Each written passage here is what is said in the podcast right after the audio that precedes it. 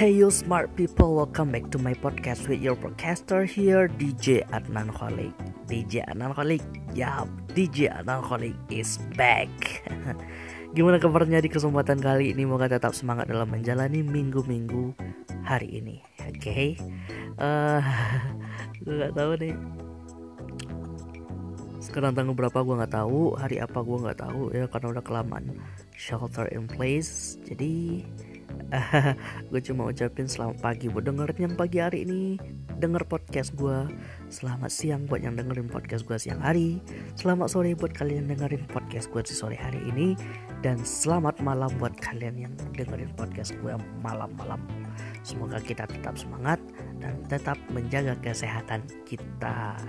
Suara gue masih belum terlalu apa namanya terlalu fix baik dan sehat tapi gue sehat men gue negatif gue nggak ada terkena mudah-mudahan diminta sama Tuhan selalu berdoa nggak kena kitanya oleh virus SARS-CoV-2 itu ya Oke, gue kembali hadir di sini di segmen saya penting nggak penting, yang penting dijawab.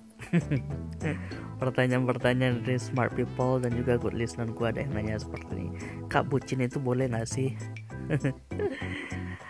Ya Allah di di ini bucin milenial kali ya.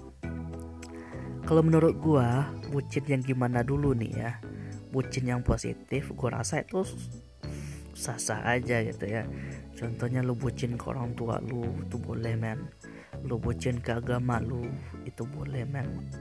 Tapi kalau lu bucin ke manusia gua rasa lu terlalu rendah men.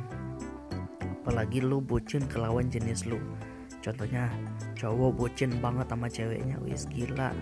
Emang lu udah kasih makan apa sama cewek lu? Sampai lu bucin gitu. Emang lu pikir dari dua dari jutaan manusia yang ada di dunia atau jutaan manusia makhluk Indonesia cuma dia doang.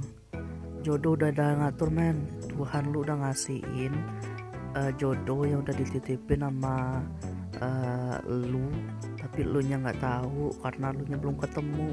Jodoh pasti ada tapi lu malah bucin-bucin. Emang bucin yang seperti apa sih yang ekstrem banget itu? Kalau gue pribadi gue belum pernah ngeliat orang yang sangat atau bucin ekspres ekspres lagi. Bucin abis atau bucin mania. Belum ketemu gue ya cuman kalau ada orang yang rela mati-matian demi ceweknya tuh gue udah ketemu gitu. Cuman nggak terlalu ekstrim. Contohnya dia rela jemput ceweknya hujan-hujan pakai motor. Ceweknya pasti nggak mau dong. Atau rela dia nganterin makanan hujan-hujan. Ada tuh teman gue yang kayak gitu. Atau dia rela uh, apa namanya jatah dia nggak nakos nih jatah uang pulang kampungnya dijadiin buat pacaran atau jajan uang jajannya buat traktir ceweknya. Is gila gue rasa itu ya dia bilang sih pengorbanan. Kalau pengorbanan kayak gitu banget men emang emang dia udah ada level jadi istri lu nanti. Terus kalau lu putus nanti lu nggak bakalan ah, jadi menurut gua kalau lu ngebucin jangan ekstrem banget gitu. Biasa-biasa aja gitu ya. Karena kita kan tujuan awal kita untuk pacaran ya sebenarnya kan gue nggak tahu konsep pacaran ini. Kalau bawa ke konsep agama ya pasti nggak boleh ya. Tapi kalau gue bawa ke konsep sosial itu artinya kan kita saling uh, mengenal ya. Saling proses saling mengenal atau dalam bahasa agamanya itu adalah ta'aruf kalau ta'arufnya berlebihan jatuhnya bakalan sakit men. Kalau ditinggalin bakalan luka. Mendingan taarufnya biasa-biasa aja gitu ya. Saling mengenal saling memahami. Kalau seandainya kita udah saling kenal dan saling paham mungkin bisa nanti lanjut ke yang lebih serius. Seperti dia jodoh lu men. Tapi kalau lu udah ngebucin cewek lu minta dibeliin ini lu beliin.